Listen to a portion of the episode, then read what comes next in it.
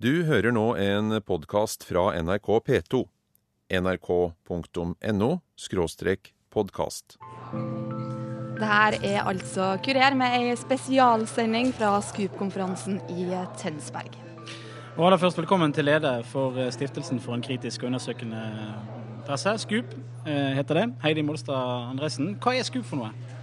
Scoop er en stiftelse som kom i gang for eh, 22 år siden eh, av en gjeng ildsjeler som hadde vært på konferanse i Sverige og, eh, om undersøkende journalistikk, og syntes at det måtte vi ha i Norge også. Så det er rett og slett en stor, stor dugnad eh, fra hele Presse-Norge, der journalister samles for å lære av hverandre og inspirere hverandre. Mm. Hvem er det som deltar? Du, Det er journalister fra hele landet. I år så teller vi 620. Det er fra riksmedier og lokale medier og i det hele tatt hele landet. God representasjon. Hvorfor trenger man en sånn konferanse, da? Dette er vel eh, pressens måte å innse at vi aldri kan bli gode nok på. Eh, vi har hele tida mye å lære, eh, og konferansen vår har et spesielt fokus på metode. Journalistisk metode. Og det er stadig vekk flinke journalister rundt omkring som finner opp nytt krutt, og som ikke hemmeligholder det, men vil lære det bort og dele det med kolleger. Mm. Dette kulminerer med en pris etter hvert. Hva er SKU-prisen for noe? SKU-prisen honorerer det beste journalistiske arbeid som er gjort i året som har gått, eh, men eh, den har også et spesielt fokus på metode. Eh, så det er ikke nødvendigvis de store konsekvensene, eller størst mulig konsekvens av saken som blir honorert, men det er metode og hvor kreative journalistene har vært. Mm. Vi skal snakke en god del om 22.07 og journalistenes arbeid i bakkant til den. Er de innsatte bidragene denne gangen her preget av av eh, den hendelsen? Ja, Vi ser at hoveddelen av eh, bidragene som ikke handler om 22.07, kom inn, altså er gjort og skrevet før 22.07. Det viser jo da at redaksjonene har vært veldig opptatt med 22.07 etter den datoen. Eh, og at de store graveprosjektene om andre ting har vi ikke sett etter det. Mm. Konferansen her var, var nevnt i Anders Behring Breivik sitt manifest som et mulig mål. Hvordan tar dere vare på sikkerheten til deltakerne? For det er liksom det er også en del av det. Vi har mm. merket at det står sånne barske menn her og passer på.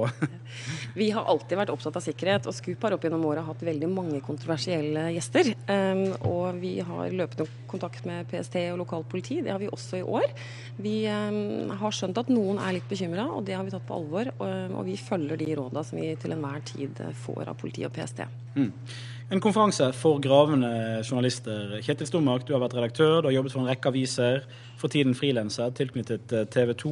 Tidligere Scoop-vinner. Gravejournalist på alle mulige måter. Hva er gravejournalistikk for noe? Det er journalistikk, men med mer av alt. Flere kilder, eh, flere telefoner, eh, grundigere metode. Du holder på lenger, og du prøver å trenge dypere inn i sakssammenhenger.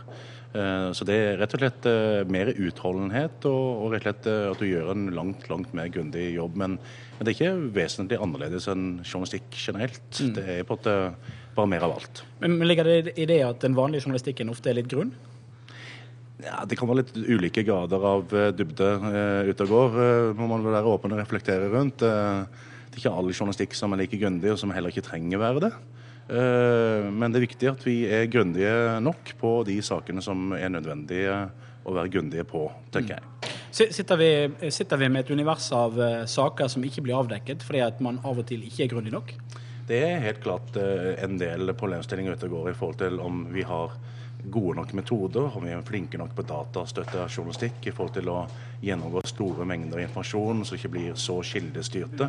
Og rammevilkårene er jo selvfølgelig en, en, et gjengangstema blant journalister om vi har gode nok ressurser til å gjøre eh, jobben vår i det daglige. Men jeg tror òg du vil oppleve, uansett hvem du snakker med og hvilken yrkesgruppe eh, du møter, så vil nok alle eh, kunne være interessert i enda bedre rammevilkår for å gjøre jobben sin. Så, så der, der, er vi på sånn, nok inne på et ganske generelt tema. men det er nok noen saker vi burde grave dypere i enn, ja. enn det vi gjør. Heidi, støtter du den? Jeg støtter det. Undersøkende journalistikk er jo så mangt. Eh, og vi er ikke en konferanse for den høye og mørke og den eh, ekstremt vanskelige og dyptgående nødvendigvis journalistikken. Eh, det å faktisk undersøke en sak ordentlig som journalist, det er egentlig det all journalistikk handler om. Mm. Og det er også synlig på SKUP-konferansen. Det kan være små saker i lokalaviser som utgjør en viktig forskjell, men det er rett og slett undersøke en sak, ha flere kilder og stille spørsmål. Det er også undersøkende journalistikk. Så det handler ikke bare om de store prosjektene som får nasjonal oppmerksomhet. Vi, vi, jobber veldig hardt for ikke å være så innmari høye og mørke og mystiske, for det er vi ikke. Scoop er for alle, og det er egentlig bare å minne oss på at hva slags samfunnsoppdrag vi har som journalister. Absolutt alle sammen. Kurer. P2s mediemagasin. Dette er Kurer, direkte fra Scoop-konferansen i uh, Tønsberg. Og i år så er det altså 50 prosjekter som konkurrerer om årets Scoop-pris. Og du Trine Oen, har møtt uh, to av de som uh, har sendt inn en såkalt metoderapport. Ja, denne prisen går til den redaksjonen som juryen mener har gjort den beste gravende journalistiske jobben i 2011. Mari By Riise og Laila Ellingsen i Adresseavisen har sendt inn ett av de 50 bidragene som juryen skal gå gjennom. For to og et halvt år siden så starta de på en lang og krevende serie om fortielse og maktmisbruk i det offentlige barnevernet. Den starta ei eh, kveldsvakt eh, høsten 2009. Eh, da var vel en par-tre uker igjen av, av, valget. Og da fikk vi en telefon fra Bufetat om at det var 40 unger som sto i kø for å få fosterhjem i Trondheim. Og det er jo en sak som vi kunne ha laga en notis på, som kunne gå inn det ene øret og ut det andre. Men da tenkte vi at det her er kanskje anledningen til å få satt på dagsorden et tema som vi lenge har tenkt å, å jobbe med, som, men som er veldig vanskelig å få tak på. Um, men vi fant, det, altså vi fant, ut at det her var, kunne være knaggen vår for å komme inn i, i det feltet som er, som er sammensatt og, og, vanskelig på mange måter. da.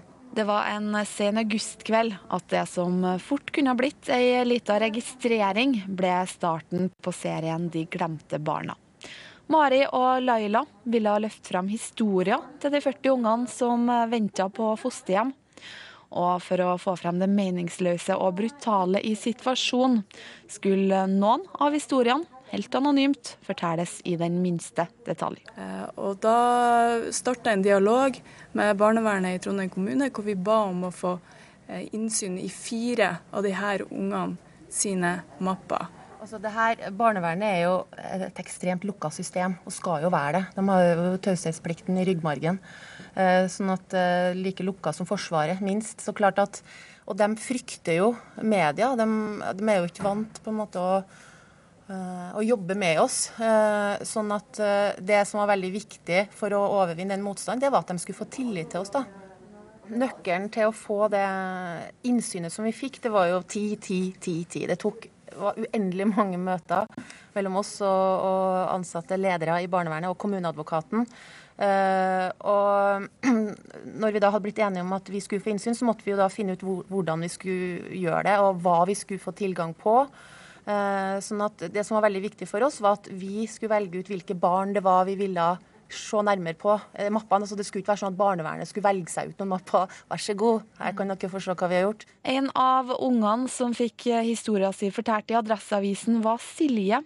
Jenta med narkomane foreldre som eh, var blitt flytta rundt ti ganger i løpet av sitt sju år lange liv. Eh, historien om Silje er eh, en historie om foreldre som får sjanse på sjanse på sjanse. Vi leser f.eks. i rapporten fra beredskapshjem. Første gangen hun ble henta ut av hjemmet, så, så, skriver de her beredskapsforeldrene at det er en unge som har en veldig lav kroppstemperatur. Hun driver med selvskading, hun har blåmerker. Veldig fysiske beskrivelser av det barnet. Um, og seks måneder senere så skriver de også en rapport der uh, de viser til at barnet har blitt nesten et helt annet. Uh, Åpna seg opp, har fått tillit til både foster- eller beredskapsforeldre og barnehagepersonal osv., men som da blir sendt hjem til sine rusavhengige foreldre. Og det her skjer da tre ganger før barnet endelig hentes ut. Så det er jo historier som, som traff veldig publikum ut der, og det traff oss veldig når vi jobba med det. Det gjør det enda. Del én av serien De glemte barna førte debatter på stortingsnivå om mangler i barnevernsloven og om unger som ble behandla som kasteballer. Men mens den debatten raste, var de to journalistene allerede i gang med en ny runde med fosterhjemsstoff. Artikler som viste ei enda mørkere side av det statlige barnevernet. Her er den dagen 9, nei, 8. desember, eh, da vi fortalte om de 52 barna som ble misbrukt da det offentlige skulle passe på dem. Vi har eh, bilder fra rommet til Per Harald, som tok livet sitt etter rettssaken der hans støttekontakt og mann i barnevernet ble dømt for å ha misbrukt den og grovt manipulert den over lang, lang tid. Det er det. Ja, og her er det jo også da Per Harald som oppslag på dag to i del to, eh, som ikke klarte å leve med, med overgrepene. Det vi først sjekka, var jo om at altså, finnes det noe oversikt over det her? Altså Har staten sjøl noe oversikt over de gangene deres egen omsorgsevne svikter? Eh, og det ble det jo ganske tidlig klart at de ikke hadde. Um, og vi tenkte jo litt altså hvordan skal vi gå fram, hvordan skal vi kunne dokumentere eh, at, uh, at det her systemet ikke er som det skal. Og, og den måten vi til slutt fant ut at vi skulle gjøre det på, uh, det var Vi fikk en idé, egentlig, for at fra tid til annen så ser du de her, ofte er det små notiser, små saker i avisene som omhandler overgrep i fosterhjem. altså Fosterfar 50 misbrukte sin fosterdatter seksuelt, fikk halvt år i fengsel. Altså, Fra tid til annen ser du det her. Så tenkte vi at kanskje det kunne være en inngang i det her. Å dokumentere hvor mange sånne dommer finnes det egentlig? Hvor, hvor omfattende er uh, det her problemet? Uh, og den jakten, denne jakten på dommene, den var lang. Den, uh, den holdt vi på med mer enn et år, og det gikk så lenge at vi måtte ta et nytt avissøk på slutten, for det var så lenge siden første gang vi hadde gjort søket før det her skulle på trykk. Eh, og da, da, møtte vi veldig motstand, både hos tingretter og hos politi. Altså Det var rett og slett ingen som kunne hjelpe oss eh, med elektroniske søk eh, for å få en oversikt over det her. Så Blant annet så kontakta vi Domstoladministrasjonen. Eh, hvorpå han eh, Langbakk, han eh, direktøren der, til slutt konkluderte med at eh, det her kom til å bli en manuell drittjobb som vi var nødt til å gjøre sjøl. Ja, her er, her er Aina med blått hår som vi møtte på Gjøvik. Eh, som varsla og varsla gang på gang om at hun ble slått og ikke hadde det bra i fosterhjemmet, uten at det ble tatt affære. Ja, så når jeg gikk ned ute fra skolebussen, så spøy jeg som en gris hele tida hver dag. Før jeg kom hjem. Så jeg var liksom lykkelig når bilen hans var borte, for da var det ikke han hjemme. Mm. Jeg husker jeg sendte noen tegninger til bestemoren min. Jeg skrev mye brev til bestemoren min om at jeg ikke hadde det bra. Og hun tok jo kontakt med barnevernet flere ganger. Og, men vi ble rett og slett bare avvist. Og hadde Barnevernet kom på som besøk hjemme i fosterhjemmet, men da var jo alt fryd og gammen. og det var ikke noe problem. Så flere av dere her møtte vi på samme turen, og det var vel i februar i fjor. Så da var vi rimelig slått ut når vi kom tilbake, for det var, ja, det var, det var tøft å få det, alle de her møtene samla sånn i løpet av veldig kort tid. da. Å, men Ann Helen møtte vi vel litt seinere igjen, skal vi se, det var vel i juni. Og vi ble alene hjemme.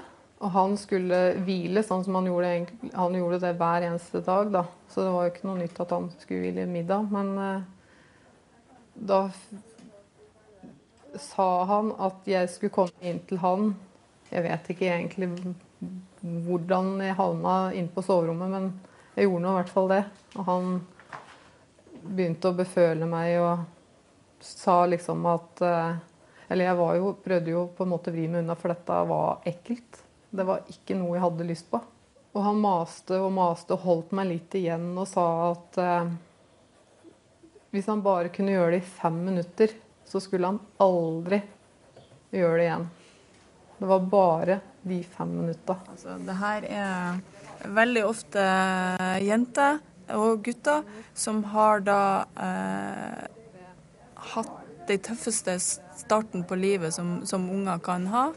Eh, da er det sårbare mennesker, og så blir de svikta på nytt. Og det er det, som, det er det som er det helt grusomme i de her sakene. For det her er de aller, aller mest sårbare som da staten tar ansvar for, og så skjer det her. Det er nå to og et halvt år siden Mari og Laila begynte å se på historiene til barnevernsbarna. Tunge, mørke fortellinger som det er vanskelig å ikke la seg berøre av. Vi har sittet her og grene ganske mye. Det, det, Det gjør vi. Eh, og, og det her på en helt annen måte enn noe annet vi har jobba med. Det sier seg sjøl. Bare det å lese og så være inn på innsida av de mappene der ikke sant, med de liksom kalde, nøkterne beskrivelsene. ikke sant, Det kommer tilsyn inn i de her hjemmene. Foreldrene er rusa, ungen går altså, altså, Du får bare lyst til å vite hvem den ungen her er, og ta den med hjem. ikke sant, og det var sånn at du plukker opp, Jeg fant fram bilder av mine egne unger, la dem foran meg. Det ble liksom sånn her jeg, må, ja, jeg må ha liksom noe noe godt å se på i tillegg. Eh, og du, du, føler at du blir kjent med dem på en måte. ikke sant? Eh, men, men, det er nettopp det som Laila sier, at det som er så utrolig tilfredsstillende i det, er at du faktisk gjør en jobb som kan være viktig. Um, du, og, og, det var sånn at når vi sleit med å finne de disse dommene, ikke sant? Altså, vi kunne ha en avissak som kunne være kjempevanskelig å finne. Og da går det en liten faen i det. For at den ungen her, vi har funnet den i avisa, vi skal pinadø finne dommen. Du skal ikke bare ligge i den bunken som ikke kommer på trykk. Så det blir en veldig drivkraft også at du har den At du faktisk er i en jobb der du kan la disse ungene her bli synlige. Har dere noe som helst formening om hvor mange timer dere har lagt i det jobbinga her? Åh, nei. nei.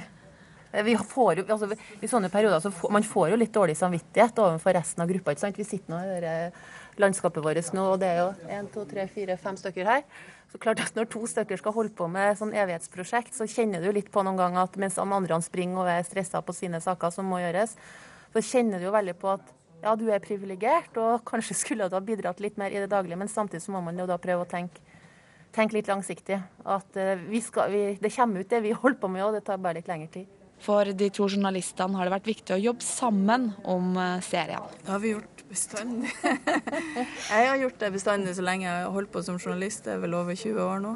Um, I uh, 30, var ikke det vi var enige om? ja, sikkert 30. uh, I uh, 11 av dem har jeg vel jobba over ti i hvert fall, med og Mari, da. I Adresseavisa. Du må ha noen å, å, spille på. Du må ha noen å drodle med. Du må ha noen eh, å, å tenke ut de glupe spørsmålene, de kloke tankene. Eh, du må ha noen som bryner deg, som stiller de spørsmålene du sjøl ikke hadde kanskje tenkt på. Og du, du må rett og slett være eh, Altså, en sjef kan aldri gå så djupt ned i stoffet som du som journalist gjør. Eh, sånn at eh, for å være helt trygg i det du holder på med, så må du vite at det har gått gjennom hodene til, til, begge to, og at vi kan stille hverandre kontrollspørsmålene, og at vi vet eh, hva vi har gjort eh, hele veien. Jeg har hatt altfor mye vondt i magen hvis jeg skulle ha vært alene. Altså når, når vi, du halverer på en måte uroen doble og, og dobbel gleden når du er to. Så langt har eh, serien De glemte barna mottatt Polaris Medias journalistpris og den eh, trønderske journalistprisen to ganger. Nå er serien med å konkurrere om årets eh, Skupris utmerkelser for god gravende journalistikk. Så klart Man blir jo glad hvis man vinner en pris. Det skal jo ikke være så lite forfengelig at man nekter for det. Men uh, altså det, i forhold til denne saken her, så altså da i så fall tror jeg ville vært også veldig glad for det at det er en anerkjennelse av et viktig tema. Av unger som har blitt sett. Uh, jeg har i hvert fall ville valgt å tolke det sånn også. Men jeg tror det, sånn sett så er det klart at med saker som betyr litt sånn ekstra for deg personlig, så, så er jo det Hadde jo det gjort litt ekstra godt. Hva er det som har vært drivkrafta deres? Det er å fortelle historiene til de ungene her og vise en virkelighet som jeg tror mange av oss ikke er klar over. At vi kan si noe om systemet, noe om systemet som det faktisk går an å gjøre noe med. Eh, det er ikke sånn at jeg tror at det er veldig mange enkle løsninger på det feltet her i det hele tatt. Eh, men når vi kan vise eh, svakheter i systemet eh, på den måten vi har gjort, så tror vi også at det er mulig å gjøre noe med det. Og det, det er helt, helt, helt, vesentlig for oss at, det, at, du har det perspektivet på det også. At det her faktisk er noe som det går an å gjøre noe med. Mari By Riise og Laila Ellingsen i Adresseavisen og deres serie om de glemte barna er altså ett av 50 eh, bidrag som kan vinne prisen for god gravende journalistikk på Scoop-konferansen i eh, Tønsberg. Kurer. Fra Norsk rikskringkasting. Tidligere i dag så har det dreid seg om avlyttingsskandalen i Storbritannia her på Scoop-konferansen. Det hele toppa seg da The Guardian avslørte at News of the World hadde sletta meldinger fra mobiltelefonen til ei tenåringsjente som var blitt drept. Men nå viser det seg at det her kanskje ikke stemmer. Mista over 200 personer jobben pga. dårlig journalistikk fra The Guardian. Vi har møtt to som har opplevd skandalen fra innsida, på hver sin side.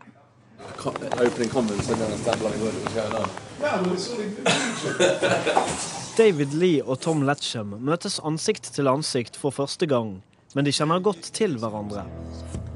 News of the World-skandalen vokser. Britiske politikere krever nå en offentlig høring av avisens arbeidsmetoder. Avisen blir politietterforsket for å ha slettet meldinger fra en savnet tenåringsjente. It was the moment that people started calling me scum. You know, you'd be walking down the street, people call, you know, Twitter, you know, calling you all sorts of names, you know. And it's like, oh, I haven't done any of this, you know. All I did was work for a company that I didn't know did this. Tom Latcham var TV-redaktør for nå nedlagte News of the World. Da han fikk vite at hans arbeidsgiver ikke bare hadde avlyttet telefonen til den drepte skolejenten Millie Dowler, men også slettet meldinger, var det nok. Han ble kalt avskum på gaten og ville si opp jobben. I don't want to work for a company that would you know, put further pain on an already suffering family. And so I looked to leave. I boycotted the office. Um, and then obviously we shut and I didn't need to. Men så Britisk politi mener det ikke var avisa News of the World som sletta meldinger fra ei savna skolejentes mobiltelefon. Det er kommet fram i høringa som pågår i forbindelse med telefonavlyttingsskandalen som førte til at News of the World ble nedlagt i sommer. Det er her David Lee kommer inn i bildet. Han er graveredaktør i The Guardian og har vært sentral i arbeidet med telefonhackingavsløringen. På Twitter forsvarte Lee at The Guardian skrev at News of the World hadde slettet meldingene på telefonsvareren til Millie Dowler, selv om det nå viste seg at dette kanskje ikke stemte. We said what the police had said, that they deleted the, the, uh, the, the calls. Now the police say, oh, we now don't know what really happened. We think maybe they didn't delete them. Uh, and we've said that the police have changed their story. We've published it. What else can we do?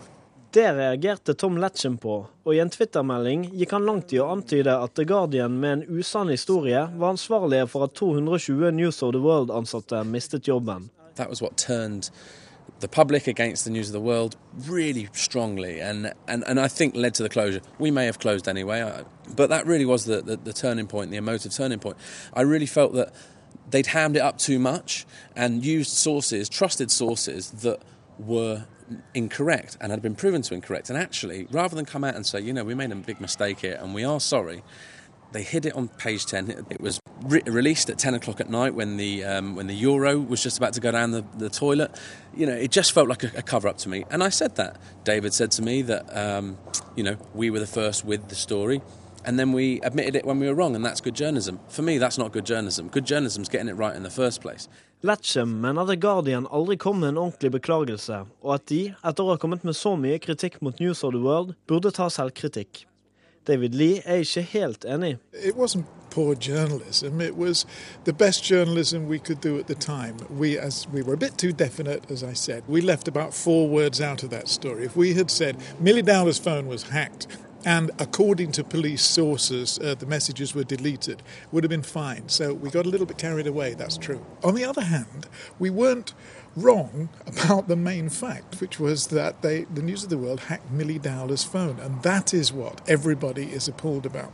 Lee påpeker at de uansett hadde rett i at News of the World faktisk avlyttet telefonen til den drepte skolejenten Millie Dowler. Tom Letchem sier han på ingen måte forsvarer det, og at han er imot slike metoder. Men han mener òg at News of the World slett ikke er alene om å ha brukt kontroversielle metoder i Storbritannia. Let's not be disingenuous about this. David himself has admitted hacking a phone in the past. I've never hacked a phone ever in my life, and I can proudly say that. Well, there is an important issue here, and it's this. Investigative journalists use all kinds of methods. As Tom says, there was one occasion on which I actually listened to the voicemails of a corrupt arms company executive because I was investigating something in the public interest.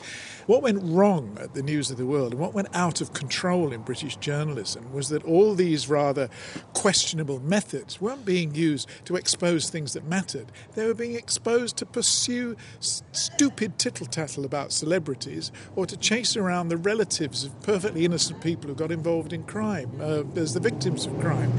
And it was all being misused in the service of tabloid tittle tattle. That's what went wrong. Så selv om Lee innrømmer å ha avlyttet telefonen til en sjef i et våpenselskap, sier han at det var god gravende journalistikk i det offentliges interesse, mens tabloider som News of the World har brukt tvilsomme metoder for å lage tullesaker. Letchem er langt på vei enig i dette. I think something needed to change. I think, you know, there's been for too long tabloid newspapers treated people like pawns. No, he is right. But then, you know, you could say, yes, the problem was they were using it for all these things, but there would have been times when it was being used for perfectly legitimate purposes as well, you know. So Når det gjelder framtidens journalistikk i Storbritannia, er begge bekymret, pga. at det etter skandalene kan bli strenge reguleringer for hva mediene kan gjøre. We're now in danger of actually having free speech threatened in Britain and of having more regulation, government regulation, which I don't want. Uh, and it's because of people who wouldn't clean up their act. So I'm quite angry about that.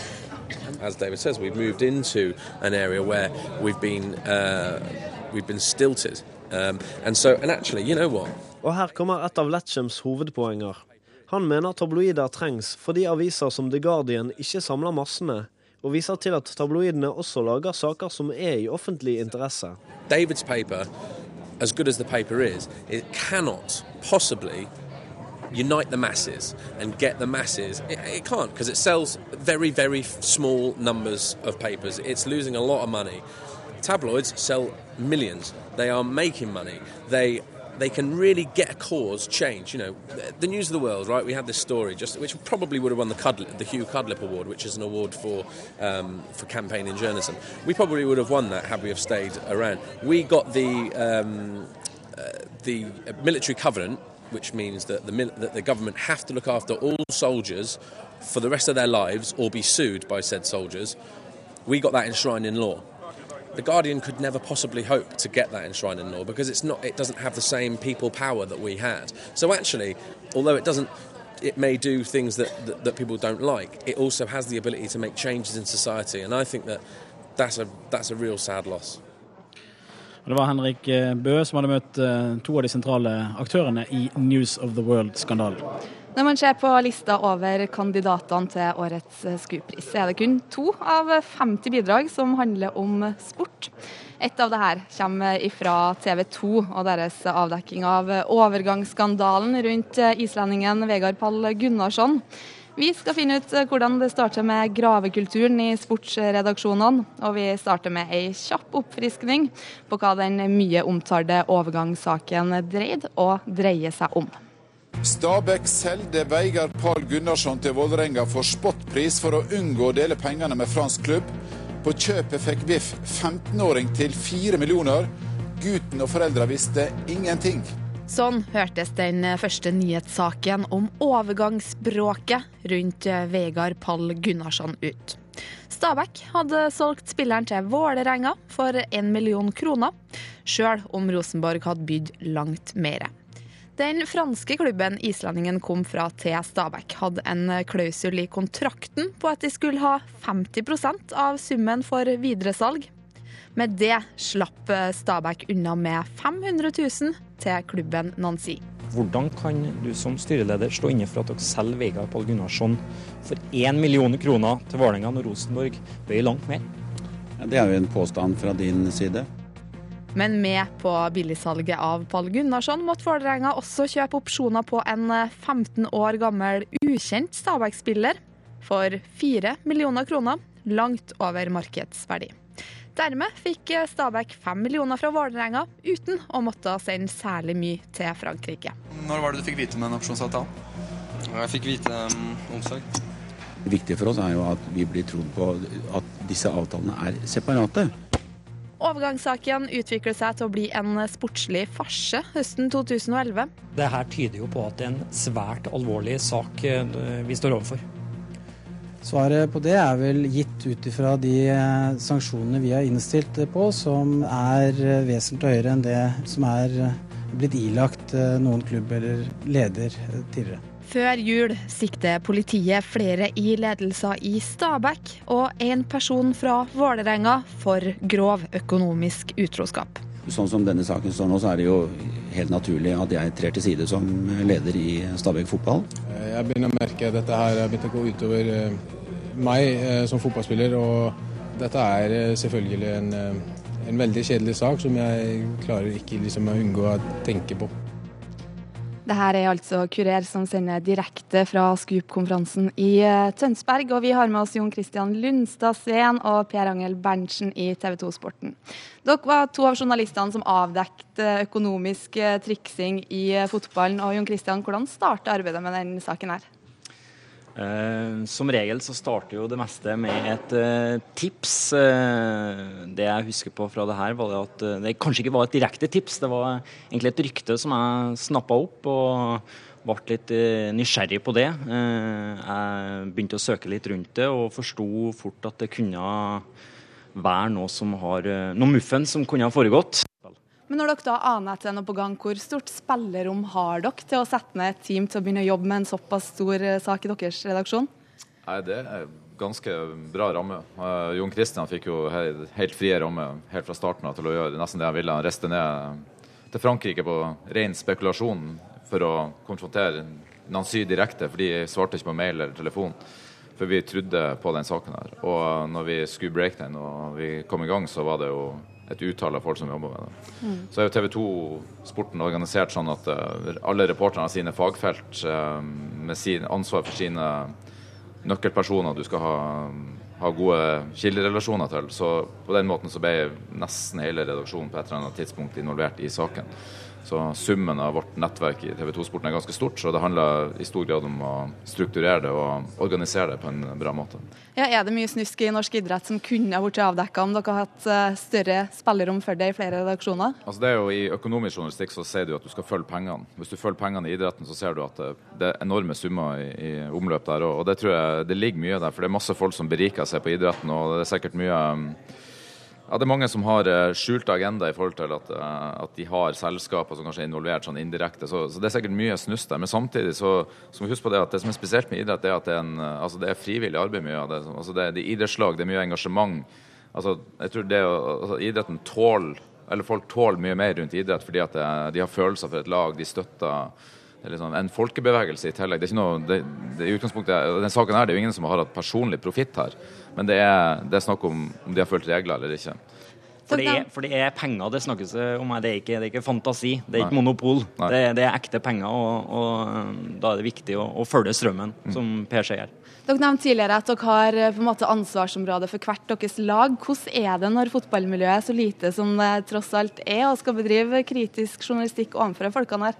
Jeg tror ikke det er noe verre for oss enn det er for politiske journalister eller nyhetsjournalister som ofte har sine fagfelt, eller næringslivsjournalister. Jeg tror ikke, altså Idretten i Norge er faktisk større enn næringslivet i Norge, tror jeg.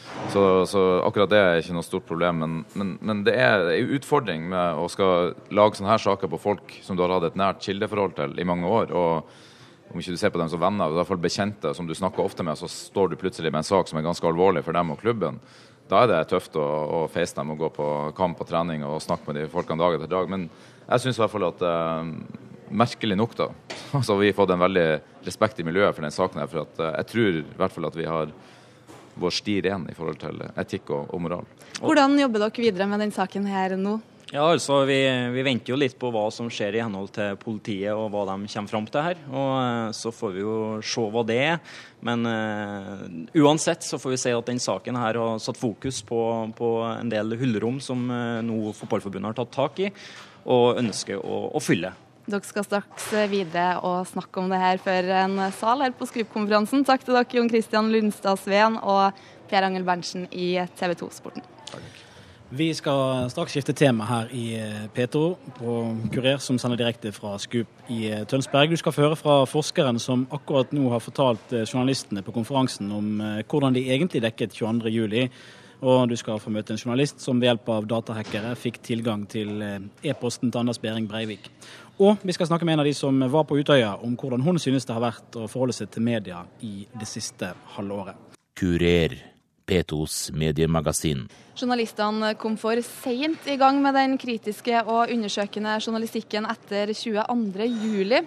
Det mener journalistene sjøl, ifølge Ivar Andenes, som er forsker ved Institutt for journalistikk. Her på Skup la han fram en rapport av journalistenes egne opplevelser av mediedekninga for ei lita time siden. Det finnes mange historier som ikke er fortalt, fordi journalistene eh, vegrer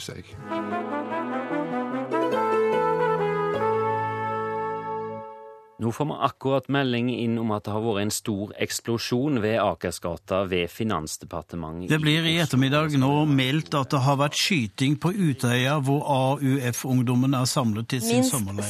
17 mennesker er drept i de to aksjonene på Utøya og ved regjeringskvartalet i Oslo. Det ligger er skadede mennesker rundt her, og vi er, det følges skadede og blødende mennesker ut av regjeringskvartalet. Og mens vi snakka i lag, så hørte jeg også faktisk skuddet to eller tre bli avfyrt. Det var jo eh, sjokket og sorgen og sorgbearbeidelse, samhold, samhørighet, som gjaldt i flere dager etter eh, terroren. Forsker ved Institutt for journalistikk, Ivar Andenes, har intervjuet 75 pressefolk om dekningen av 22. juli. Han jobber med en granskning, og sier det var store forskjeller på hvordan mediene dekket terrorangrepene. De mediene som vi vanligvis oppfatta som de mest kommersielle, altså TV 2, P4, Dagbladet og VG, var de som mest aktivt gikk inn som deltakere i sorga. Eh, P4 åpna sine sendinger for musikkønsker fra lytterne. og De la om musikkvalget sitt, kutta ut reklamen, spilte rolige ballader og fikk mange, mange eh, reaksjoner fra publikum som sa at dette hadde vært god terapi. Det er mange som har bedt oss spille akkurat denne låta i dag. Eric Clapton og 'Tears in Heaven'. Vi har fått mange tekstmeldinger eh, med både tanker og følelser rundt denne ufattelige tragedien til eh, 1904 og Kodor 'frokost'. Noen av dere har også sendt oss musikkønsker. Hvis det kan hjelpe med musikk, så spiller vi gjerne det. Dette her er Michael Jackson og Earth Song. Folk i P4 de beskriver sine sendinger som trøstesendinger. De ville være der til trøst for eh, folket. Mens NRK og NTB var mer opptatt av saklighet og nøkternhet i faktaformidling og i språk. TV 2 flytta ut sine hovedsendinger bl.a. til Pårørendesenteret oppe på Sundvolden, og det ble veldig følelseslada sendinger. Mens eh, NRK på sin side holdt seg til eh, vanlige studiosendinger. Ja, da ønsker vi god kveld og vel møtt til eh, Dagsrevyen. Ja, situasjonen i Oslo er veldig uoversiktlig for politiet. Det er blitt kveld 22.07.2011, og det er stort behov for informasjon om hva som egentlig har skjedd både i Oslo og på Utøya. Forteller mediene det de vet? Et faktum som eh, samtlige medier holdt tilbake, det var eh, anslag over antall døde på Utøya. Politiet meldte hele kvelden på fredag at det gjaldt en ti-tolv som var døde. Og eh, tross i at de store mediene satt på opplysninger som viste at det var langt flere døde, så gikk de ikke ut med det. Til tross for at de mer realistiske dødstall florerte på sosiale medier som Twitter og Facebook. Så der kan du si at mediene fortalte mindre enn de, enn de visste. Vi skal se om vi kan få inn folk som har vært på Utøya. Uh, André på telefon. Unntaket kommer i den samme Dagsrevysendingen. Det er sikkert et vanskelig spørsmål å svare på, men har du, har du en slags oversikt over hvor mange som kan ha, ha vært skadet her? Jeg vet ikke, men sånn som vi har bare telt røftlig nå rundt, eh, som vi ser med våre egne øyne langs vannkanten, eh, så ligger det kanskje 20-25 drepte, opp mot 30 drepte unger, eh, altså langs vannkanten. Noen går jo langt i å kritisere akkurat dette innslaget. Og sier at man må være forsiktig med direktesendinger, for man vet aldri hva intervjuobjektet vil si. Mens andre sier at det var bra at disse 30 kom fram. Og andre medier sier at de på en måte heiv seg på denne opplysningen fra NRK om at det var iallfall 30 døde. Og det bidro kanskje til at det sjokket som kom seinere på natta, ikke ble så stort som det ellers ville ha blitt. Her er NRK Dagsnytt klokka fem. Minst 80 ungdommer ble drepne i skytinger på Utøya i går. Men det var ikke bare tallet på antall døde som ble holdt tilbake.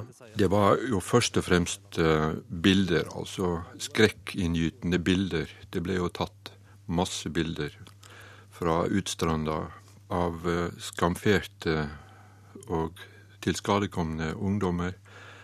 Disse ble veldig sjelden brukt og bare de bildene som eh, viste moderate skader. Det ble ikke vist bilder av døde personer. Og i den grad det ble brukt, eh, så var det avstandsbilder som ble sladda og pikselert. Når startet eh, mediene med den kritiske gravende journalistikken? Ja, det var sånn den 10.-11. august. Politibåten med massevis av politifolk. Politibåten begynner å ta inn vann og får motorstopp. Det var trolig flere ting som burde vært gjort annerledes denne dagen. Disse såkalte heltene fra Utøya, de frivillige hjelpemannskapene, eh, begynte å kritisere politiet, samtidig som denne private videoopptaket med beredskapstroppen i en synkeferdig gummibåt ble kjent.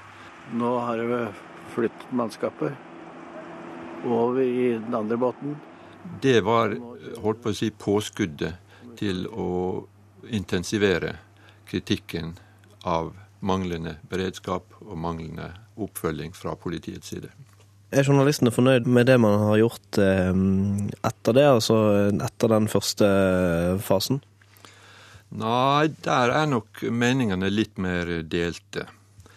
Noen mener at det spilte jo ingen rolle at kritikken kom litt i ettertid. Den kom jo fram allikevel. Mens andre mener at de var for seint ute, at de ikke klarte å snu seg eh, fort nok. Og enkelte mener vel også at de aldri fikk skikkelig dreis på den gravende kritiske journalistikk i etterkant av, eh, av terroren.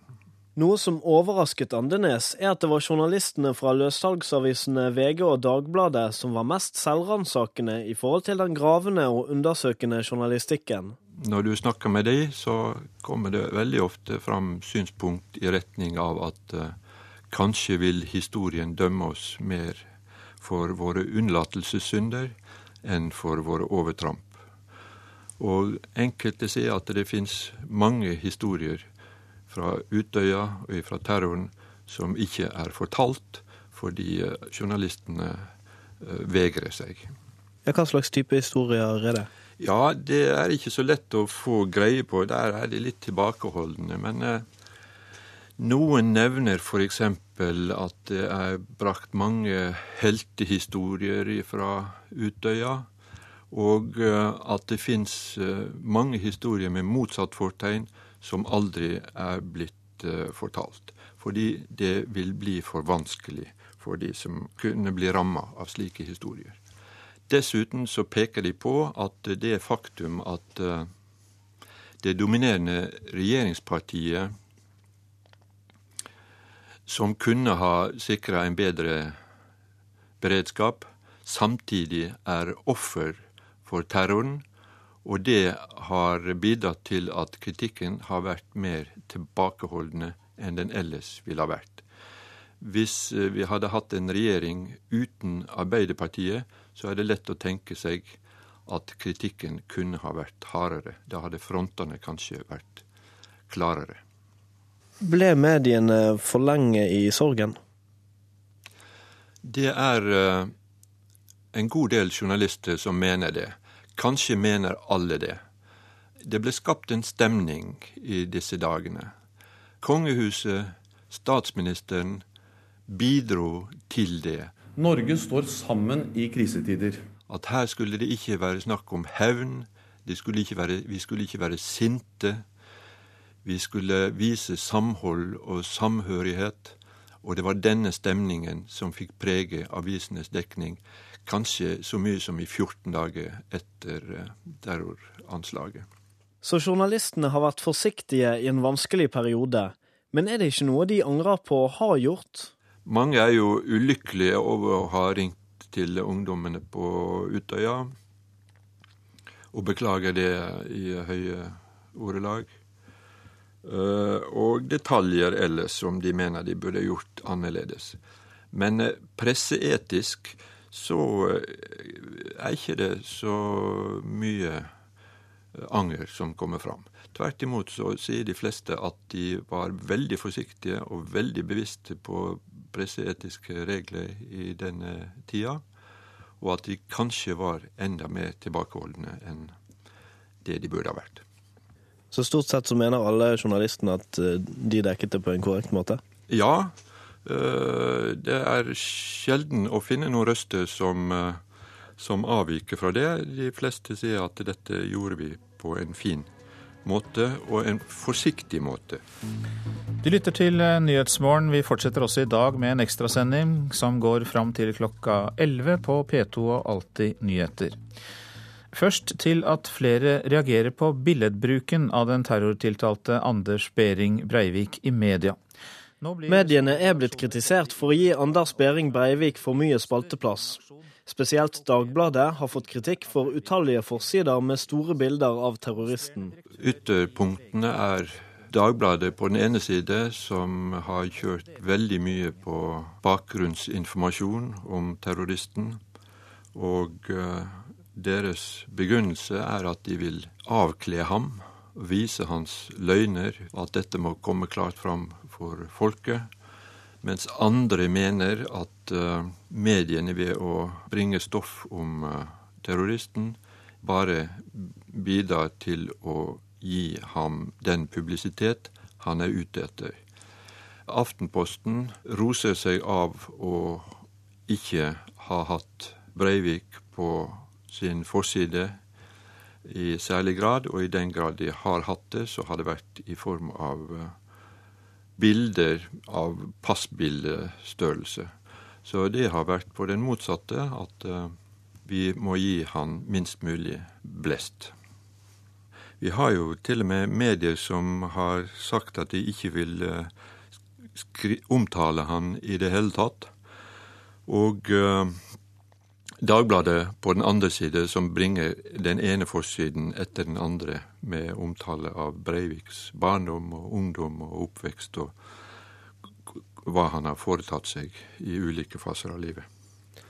Hvilke medier er det som sier de ikke vil omtale han i det hele tatt? Det er en ny tid, så vidt jeg vet. Ble mediene et mikrofonstativ for terroristen? Ja, noen eh, bruker det ordet. Jeg er, jeg er, veldig varsom med å bruke det ordet, fordi det er, eh, det er litt eh, ladet og litt negativt. Men det er klart at mediene har, har, jo gitt han publisitet, og det var publisitet han var ute etter. Samtidig så er det jo et behov i folket for å få vite om denne personen, hva slags menneske det var. Slik at dette er et, et av de største dilemmaene som presten står overfor.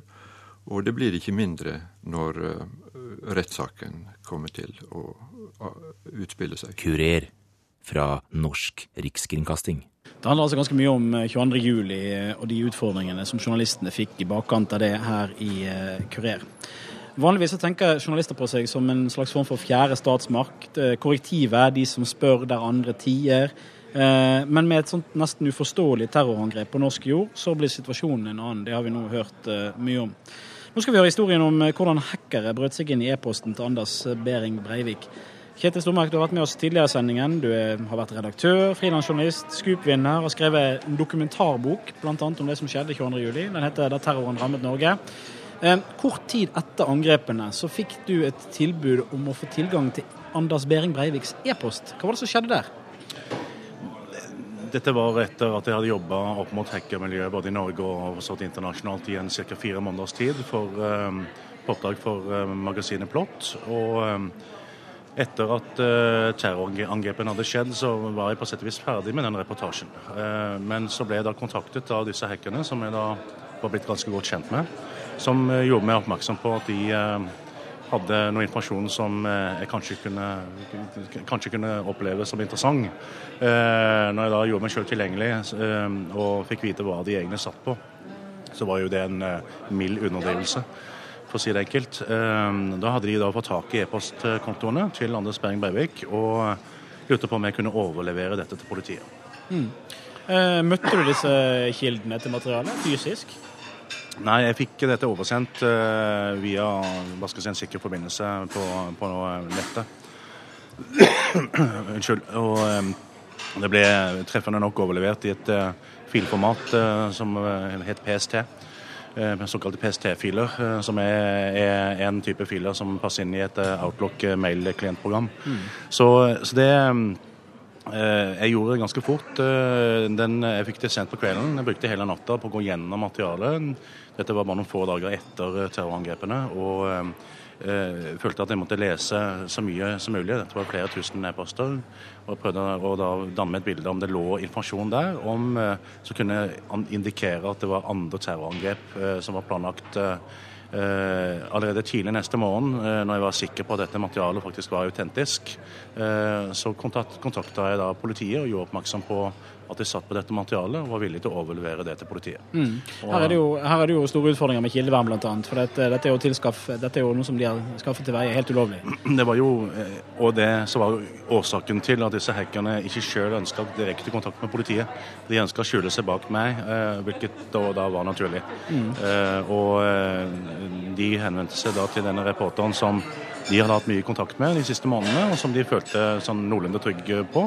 Og, og og jeg var jo, eh, Det er jo selvfølgelig ikke veldig ofte at man som journalist kontakter politiet og overleverer et materiale som er publisert, men det valgte jeg da likevel å gjøre fordi at dette var en så ekstrem situasjon som, eh, som det det var mm. i Norge. Hvordan argumenterte du konkret for å gi tingene videre til politiet?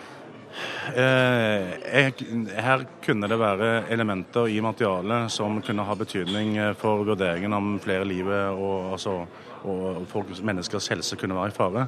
Eh, selv om jeg ikke så noen umiddelbare spor i materialet, så eh, kunne det være puslebiter som politiet satt på, som jeg ikke kjente til, som gjorde at dette e-postmaterialet kunne være av helt avgjørende betydning. Det var umulig for meg å vite det, og derfor valgte jeg å overlevere materialet. Men jeg diskuterte da med, med Kagge Forlag, som jeg da allerede jobba på oppdrag eh, for, med ei bok. Og jeg diskuterte da med magasinet Plott som, sånn for å få liksom de forskjellige avveiningene før vi da konkluderte. Argumenter imot å gi e-posten videre, videre, til politiet, da finnes det? det ja, det gjør jo det. Eh, fordi eh, det finnes et prinsipp i mediene som går på at du ikke utleverer et upublisert materiale. Men samtidig så er det en skanke som går på folks liv og helse. Og det, jo, det vil jo være uforsvarlig dersom jeg skulle ta sjanser med å da sitte på et materiale og da senere Eh, oppdage at eh, det som lå der, kunne ha hjulpet til med å avverge terrorangrep. Det ville vært en helt umulig situasjon å plassere seg i, og det var et ansvar som er umulig kunne ta. Mm. Følte du det mer som en aktør enn som den vanlige rapportøren som du skal være? Ja, jeg følte meg jo litt hensatt i en litt sånn surrealistisk setting når jeg noen dager senere på på lørdag møtte opp på Manglerud politistasjon for å da bli avhørt av politiet og overlevere dette materialet. Dette var dagen etter at Fjordmann eh, hadde vært til avhør med et relativt heftig pådrag eh, og ganske mye hva skal jeg si, ganske om, omfattende hva skal jeg si, eh, omdeling fra politiets side.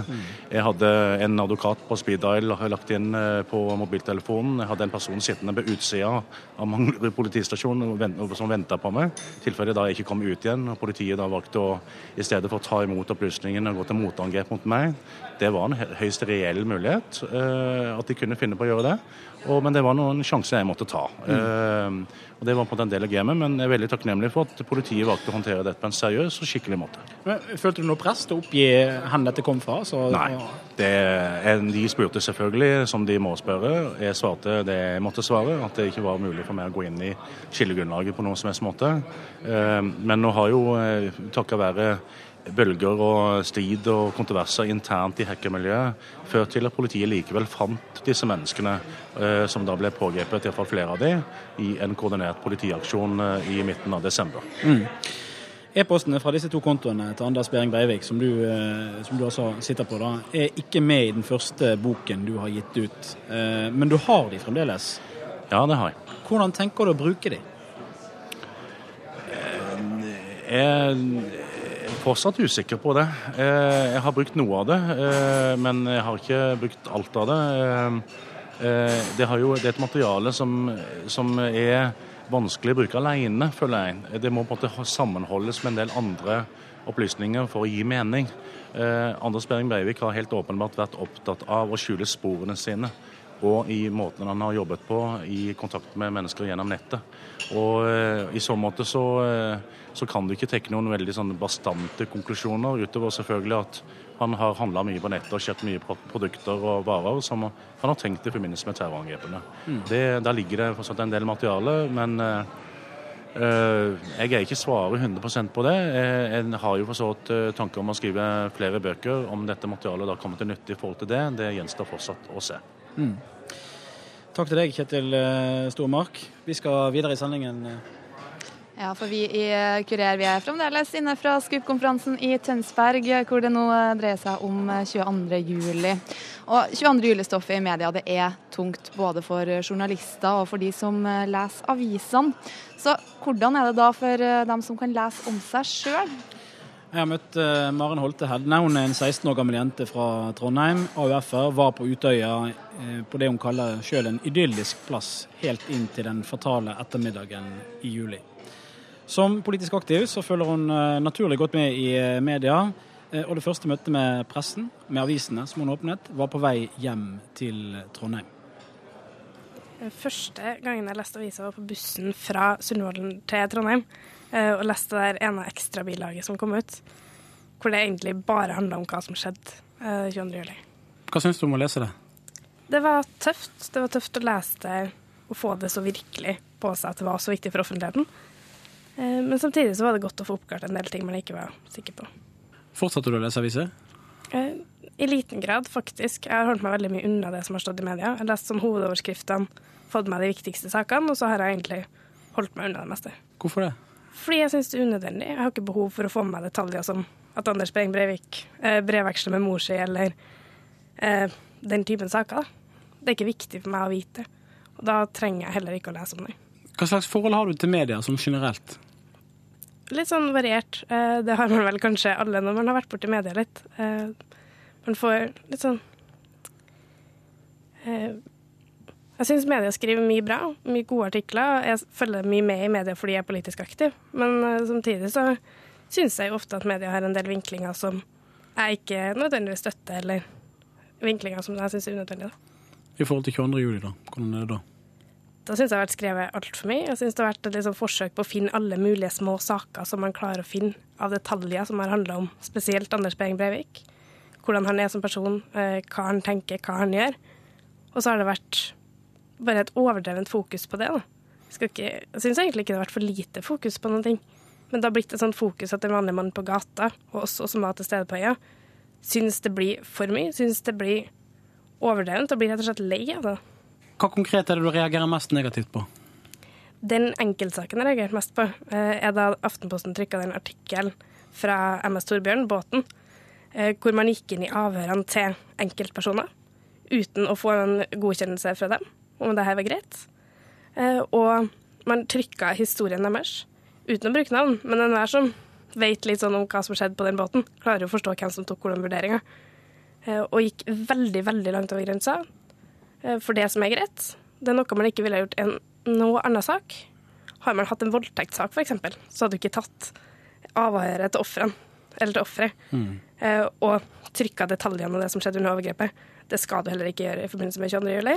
Så reagerer jeg også veldig mye på de bildene som bl.a. Dagbladet VG har trykka. Mm. Og den mengden som de har trykka det. Mm. Åssen er det å se de bildene? For meg personlig så er det ikke så tøft som det jeg vet at det har vært for veldig mange andre.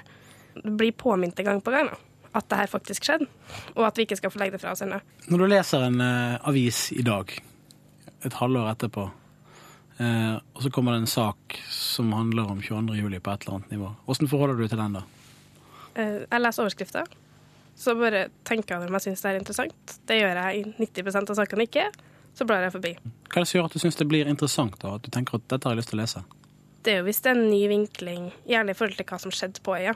For jeg har stilt meg mye sånn Ville ha visst mer detaljer. Hva som skjedde med mine venner, hva som skjedde rundt meg. Uh, sånn at det kan være interessant, eventuelt også hvis er noe utspill fra andre som var til stede. Hva jeg syns er interessant å lese. Uh, men det varierer veldig, da. Mm. Veldig lite av sånne detaljer om Anders Behring Breivik som jeg syns er av noe som helst interesse. Mm. Tror jeg ikke andre syns heller. Det er det som er verst? Det verste og det mest unødvendige. Når det er bilde av Anders Behring Breivik på forsida, hvordan reagerer du på det? Jeg blir jo provosert av at man skal ha så lite respekt for dem som faktisk syns det her eh, går nært på seg. Så syns jeg også at det finnes veldig mange andre viktige saker å diskutere. Man kan ta opp sånn som Syria. Blir, faller liksom helt i skyggen av små detaljer fra livet til Anders Behring Breivik. Og det, selv om det for så vidt er en stor sak som skjedde her i Norge, så er ikke de små tingene store saker som skjer her i Norge. Det er små ting som skjer i enkeltpersoners liv. Det har kommet en del rapporter om redningsetaten og deres arbeid og sånne mm. ting de siste dagene. Ehm, hva slags forhold har du til sånne ting? Jeg syns at vi som bruker veldig mye plass og veldig mye fokus på å skulle finne frem hva som ble gjort galt, på å skulle fokusere på hvem som var syndebukkene, og hvor ille det her er. Men samtidig så skal man jo ikke glemme at politiet, eh, sykehuspersonalet, gjorde en helt fantastisk glimrende god jobb 22. juli. Hvis man bare prøver å se for seg omfanget og hvor mye som måtte gjøres, og hvor enorm jobb de hadde, så er det jo selvfølgelig forståelig at det var forvirring. Jeg tenker det, For oss som var til stede på øya, så var det jo en ekstremt forvirrende situasjon. Vi ante jo ikke hva som skjedde. Det tror jeg heller ikke politiet hadde noen stor oversikt over hva som skjedde. Så det er jo ikke rart at man kanskje tok noen vurderinger man ikke burde ha tatt. Men uansett så gjorde man jo man eh, gjorde man jo sitt beste. Og da blir det veldig feil av media å skulle bruke så mye spalteplass som overhodet mulig da, mm. på å skulle finne alt det som er galt i alle de syndebukkene. Nå går vi inn i en periode fram mot og under rettssaken med mye høyere mediefokus. Det er helt sikkert. Det har egentlig, sånn som jeg har registrert det, litt sånn uprofesjonelt, økt på i de siste ukene. Mm. Hva slags tanker gjør du deg om det? Jeg vet at du bl.a. Eh, skal følge rettssaken i den grad du får til det. Men hva slags tanker gjør du deg om det enorme mediefokuset som nå kommer til å følge? Jeg håper jo det kommer til å bli et, en helt annen profil på det som har skjedd med 22. juli, eller sånn, på det fokuset som har vært. da. Eh, og at man prøver å få til en mer objektiv måte å legge det frem på. Ha mindre spekulasjoner, men mer faktisk hva som blir sagt, hva som blir lagt frem. Og så håper jeg, håper jeg at det faktisk ikke tar så mye plass. da. Trenger ikke å referere hver minste lille detalj av hvert minste lille, minste lille forklaring, men å legge frem den store helheten. Det var Maren Holte Hedne fra Trondheim som altså overlevde Utøya, som du hørte der. Kurersendinga direkte fra Skup nærmer seg slutten, men det gjør ikke konferansen. Utover dagen er det mange seminarer for de ca. 600 journalistene som deltar, og i kveld så blir det avslørt hvem som vinner den prisen for den beste gravende journalistiske arbeidet i 2011. Det har kanskje vært noen utfall i radioapparatet ditt underveis i uh, sendingen. Det er pga. sendetekniske forhold. Uansett, vi som har vært med deg her fra Tønsberg og sendt direkte, er Erik Kjos og Trine Oen. Svein Alfredsen har hatt ansvaret for den tekniske biten. Og reporter som også har vært sammen med oss, er Henrik Bø. Kurer, P2s mediemagasin.